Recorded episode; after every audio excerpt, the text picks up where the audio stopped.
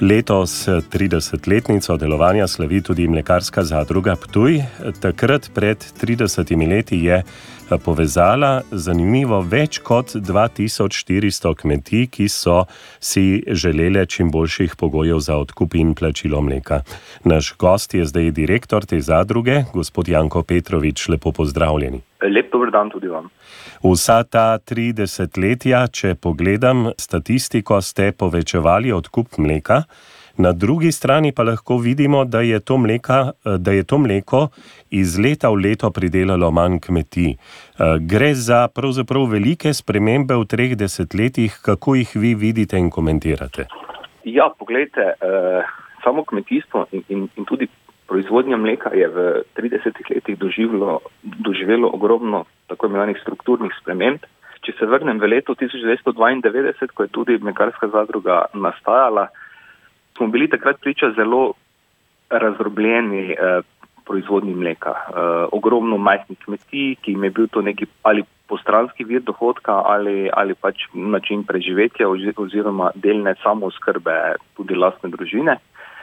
Vendar pa ta proizvodnja se je skozi leta zelo, zelo specializirala. Mi smo že v tistem obdobju imeli prve tako imenovane hleve na prostorejo, ki so se pokazali kot primer neke dobre prakse in so začrtali neki uh, model razvoja tudi slovenske uh, mlečne proizvodnje. V tistem času je seveda število kmetij tudi v okviru mlekarskega zadruga tudi bilo izredno visoko. Mislim, da smo beležili okrog 2450 članov v letu 1994, se pravi dve leti po uh, nastanku, uh, ki so v tistem času proizvedli 18 milijonov litrov mleka bom rekel, ogromna številka, tako kar se tiče števila, kako, kako tudi kar se tiče mleka. Vendar, če to eh, postavimo v kontekst, bom rekel, eh, naslednjih desetletij, eh, jaz zdaj sicer nimam veliko natančnih podatkov, kako je zadruga izgledala deset let pozneje, ampak naravno pred kratkim eh, našel en zapis o zadrugi pred, eh, se pravi, ob 20-letnice, ne, in gledam danes in moram reči, da gre za, za strašne premike. Eh, tako kar se tiče števila kmetij, kot kar se tiče tudi skupne proizvodnje. To večanje odkupa je zelo spodbudno, kaj ne? Ja, gledajte, večanje odkupa je pač eh, odgovor na eh, našo slovensko težnjo po primerljivih evropskih kmetijah. Eh, če pogledam eh, segment, bom rekel, resnega proizvajalca mleka, ki, ki bazira na družinski kmetiji, kjer vsi člani družine nekako stremijo za, za dobrobitjo in za urejenostjo tako kot treba. Jaz mislim, da, da smo mi pravzaprav v veliki meri ta del dosegli. Uh, moram reči, da uh, danes recimo uh, v okviru mlekarske zadruge beležimo okrog 600 uh, resnih proizvajalcev mleka, uh, ki letno uh, proizvedejo blizu 90 milijonov litrov uh, mleka oziroma uh, 90 tisoč ton, da, da tako rečem. Gospod Janko Petrovič, kako vi vidite pomen specializacije? Recimo, vaša zadruga je bila in je še vedno ena tistih, ki orjejo ledino na tem področju. Torej, zelo osko ste se usmerili na področje mleka.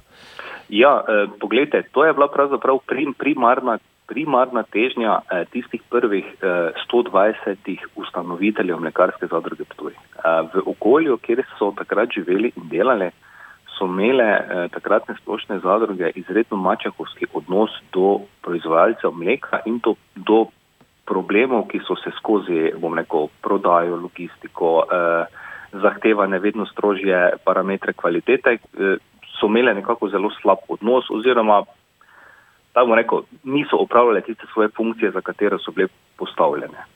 Eh, seveda je posledično odklela težnja, da bi kmetje vseeno ustanovili neko organizacijo, ki bi primarno bdela za probleme, s katerimi se kmetje kot proizvajalci mleka soočajo. Ne. Tako iz aspekta znanja, kot iz aspekta vem, prenosa nekih tehnologij, kakor tudi eh, prenosa znanja vsled eh, zagotavljanja nekih visokih parametrov kakovosti. In v tem kontekstu je pravzaprav dozorela ideja, ki je skladno z takratno spremembo zakonodaje, ki je omogočala nastanek tako imenovanih specializiranih zadrug, je nastala ideja, kaj pa če bi mi ustanovili pa mlekarsko zadrugo, kjer bi primarno povezali izredno proizvajalce mleka in ta zadruga bi se primarno ukvarjala prvenstveno samo z problemi vsled eh, kvalitetne proizvodnje in plasmana tega mleka. No in tako je potem uh, na pobudo seveda nekaterih pogumnih ljudi in tudi prejšnjega direktorja zadruga nastala, seveda se, se skozi obdobje obadala z ogromno nekimi težavami, podtikanji uh, vsega, ampak vseeno bom rekel nekje v globini, uh, dan danes lahko rečemo, da je šlo za neko zelo, uh, zelo smelo idejo, korektno idejo, ki je pač danes v slovenskem prostoru prerasla v en sigurno primer zelo dobre prakse. In uh, smatramo, da je specializacija na področju mleka pravzaprav nuja. Ne. Gre za izrazit, izrazito specifičen segment uh, tako, tako trženja, kot tudi organizacije zbiranja in uh, vsega, kar zraven sledi. Uh, in uh, stroškovno gledano, seveda, bolje zadeva koncentrirana. Uh, nižajo se stroški na enoto proizvoda, kar je spet neko še neki drugi ekonomski vidik. Ja, zelo pomemben ekonomski vidik. Eh, gospod Janko, eh, zdaj ste eh, v tej relaciji do svojih članov, zadružnikov, pravzaprav lahko rečemo, da jim nudite celoviti servis, tako na strani nabave repromaterijala, kot potem odkupa mleka. Ja, po, pogledajte, mi, mi poskušamo se postaviti v vlogo, bom rekel, našega proizvajalca in, in seveda se, se vprašati, kaj pa on dejansko rabi, ne? oziroma kaj, kaj bi on od nas pričakoval. Prva stvar je seveda uh, neki res dober servis, kar, kar se tiče organizacije odkupa, zbiranja, prodaje tega mleka na trg in, in seveda post-festom obračuna. Uh, to je prvi vidik, kjer smo mi mogoče že, že pred leti uh, zelo korektno postavili stvari in tudi uh, v segmentu stroškov, ki tu nastajajo, uh, dejansko ljudem zaračunali neki fiksni strošek organizacije odkupa, ki je recimo vezan na mesečno oziroma letno količino in recimo tisti majhni kmetje, ki recimo imajo zelo majhne količine mleka, še dan danes smo jim pravzaprav omogočili, da, da to mleko, uh, da, da je strošek organizacije pravzaprav samo 4 evre na mesec.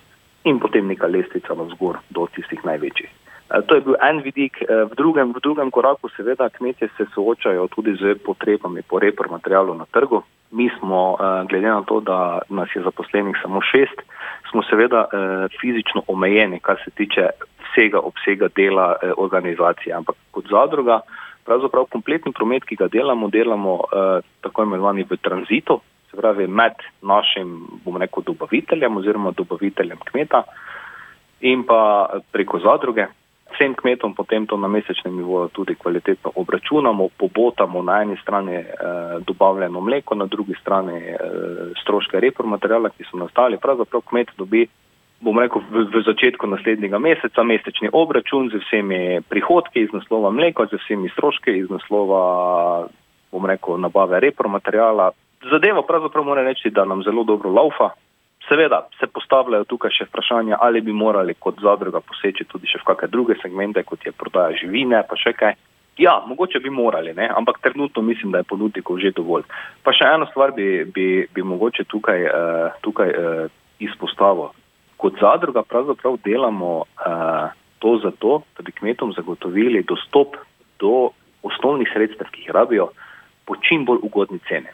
Uh, ni nujno, da zdaj nekdo kupuje pri nas, ampak v vsakem primeru mi na nek način pribijemo nivo cene, če me razumete. In uh, tudi, če bo kmet kupil kje druge, v lokalni zadrugi, zelo verjetno ne bo pripravljen plačati več, kot bi za to moral odšteti pri nas, kar pomeni, da smo dosegli cilj. Ne? Dosegli smo cilj, da, še, da se je naš kmet oskrbel po, pod konkurenčnimi pogoji, pod relativno nizkimi stroški, kar pomeni, da bo tudi strošek proizvodnje mleka relativno sprejemljiv, ker na koncu na trgu z mlekom za mleko ne moremo iztržiti toliko, koliko bi želeli. In moramo tudi paziti na stroške. In mislim, da, da je v, tem, v tej luči pravzaprav je to naše poslanstvo eh, izrazito pomembno in ga moramo tudi razvijati in graditi naprej. Ja, eh, stanje je zaostreno, bi lahko rekli, če gledamo tržne razmere. Ampak, gospod Janko Petrovič, bi vas pa prosil eh, še en pogled. Torej, v mlekarski zadrugi Ptuj ste postali tudi, oziroma ste se registrirali tudi kot organizacija proizvajalcev. To so zdaj te nove povezave. Eh, gre za nove dodatne izzive. Bi po tej poti lahko prišlo do povezovanja tudi več zadrug glede ponudbe in prodaje mleka?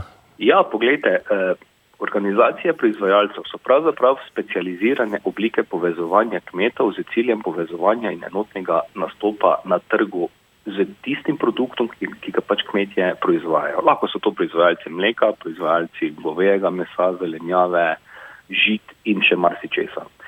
Uh, Pogoji so sicer rekel, precej strogi, kar se tiče obsega, obsega proizvodnje, ki jo taka organizacija zagotavlja, in pa tudi števila članov. E, zdaj, mi kot specializirana zadruga smo pravzaprav že odnegdaj bili na nek način OP. E, nismo se sicer tako imenovali in z, z bom rekel, možnostjo registracije smo seveda to takoj tudi izkoristili.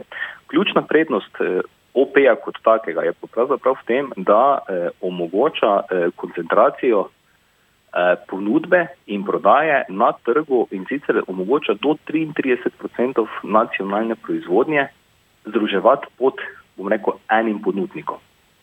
Uh, in to še vedno, bom rekel, formalno, brez, brez kakršnih koli omejitev iz naslova koncentracije ponudbe uh, in, in regulative. Jaz mislim, da je to ravno tista ključna prednost, ki je mi v slovenskem prostoru še nismo dojeli, da organizacija proizvajalcev pravzaprav omogoča, da se bom rekel, ena pravna oseba, lahko je to za več, eh, več ljudi v, v skupini, pogaja za količine in pogoje odkupa, recimo mleka. In uh, namen uh, ustanovitve OP-ja je pravzaprav ravno ta, ne, da, da poskušamo v slovenskem prostoru skoncentrirati to ponudbo in uh, namesto, da se trenutno ponuja vem, preko 60 organizatorjev odkupa neke svoje količine in je to 60 različnih eh, pogojev, bi seveda to lahko mogoče skoncentrirali na bistveno manjšo številko in verjetno dosegli tudi neke ekonomske učinke. Če prav razumem, bi bila ta najmanjša številka lahko tri. Tako. To pa zapravo tri, tri je OP, bi lahko uh mhm. -huh. poklopili kompletno slovensko proizvodnjo in, uh, in se pravzaprav samo tri je dogovarjali o, o uh, o prodaji, pogojih, cenah, količinah in tako naprej. Ja. Ni nujno, da so zdaj to tri, tri osebe, kot te osebe, če me razumete. To so pač tri, tri pogajalske skupine. Tako, tri organizacije in, proizvajalcev. Ponovem, tako, ponovem. Tako, tako. Eh, gospod Janko Petrovič, za konec, 30-letnica eh, eh, je lepa obletnica, kaj pa načrti za prihodnost? Ja, gledajte, uh, vse ne vem. Uh, smatram, da pač eh, glede na to, da, da je interes po, po pridruževanju k naši zadrugi zelo velik, jaz mislim, da bomo mi kot zadruga seveda uh, še naprej odprti za vse nove proizvajalce in tudi zadruge in organizacije, ki bi, bi se nam želeli pridružiti. Uh, moram reči, da pravzaprav ne vidim nekim omejitev dolgoročno. Tako tako kot smo rasli skozi 30 let, bomo zelo verjetno rasli tudi naprej. Če pa ne bomo rasli, bomo pa v vsakem primeru skrbeli za to, da bomo, da bomo ekonomsko čim bolj učinkoviti.